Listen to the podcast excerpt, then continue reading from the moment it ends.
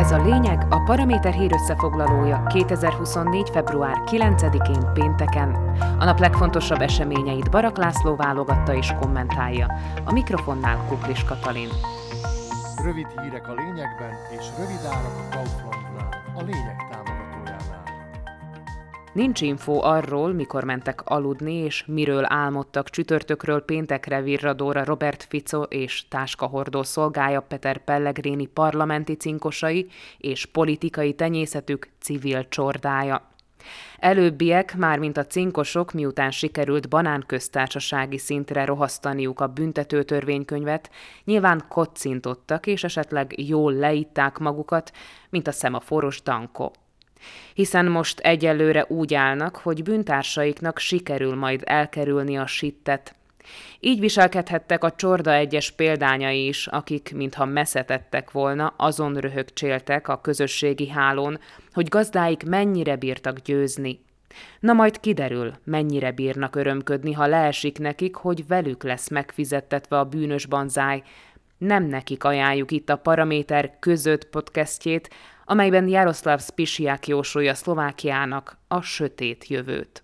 Ne legyen senkinek illúziója, miután felébredtek az elkövetők, mármint Fico, Pellegrini és parlamenti cinkosaik, ugyanazzal a hazug sóderrel magyarázzák a büntetőtörvénykönyv csütörtökéjel elfogadott módosítását, mint eddig – azt, hogy felszámolták a speciális ügyészséget, csökkentették a büntetési tételeket és az elévülési időt a gazdasági bűncselekmények esetében, de felére vágták az elévülést például a szexuális bűncselekmények esetében is.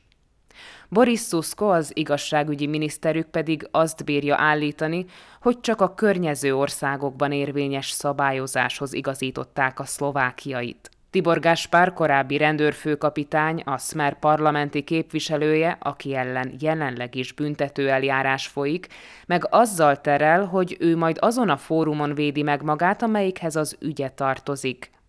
Hát persze, főként, ha majd a bírónak 15 év börtön helyett legfeljebb fél év házi őrizet kiszabására lesz lehetősége a bűnszövetkezetben elkövetett korrupció miatt és még ennek az alaknak van bőr a pofáján kijelenteni, hogy nem miatta módosították a büntető törvénykönyvet. Egyébként érdemes meghallgatni itt az utca néhány gondolkodni képes emberét, hogy mit gondolnak az igazságügyminiszter által fényezett törvénymódosításról.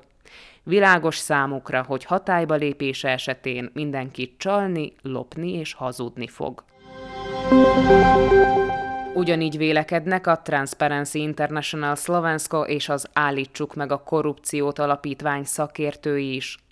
A kormánypárti képviselők olyan BTK módosítást fogadtak el, amely jelentős mértékben csökkenti az állampolgárok biztonságát, vonzóvá teszi a korrupciós bűnözést és a vagyon elleni bűncselekményeket, figyelmeztetnek.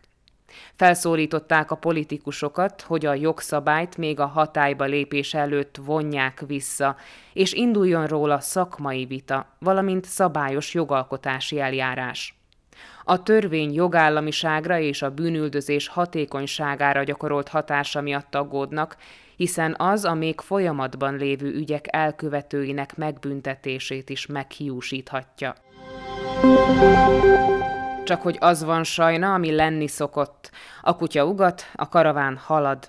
Azok a politikusok ugyanis, akik most így vágják tönkre az országot, valamennyi állampolgár magánéletét, egyáltalán nem valami idegen bolygóról érkeztek.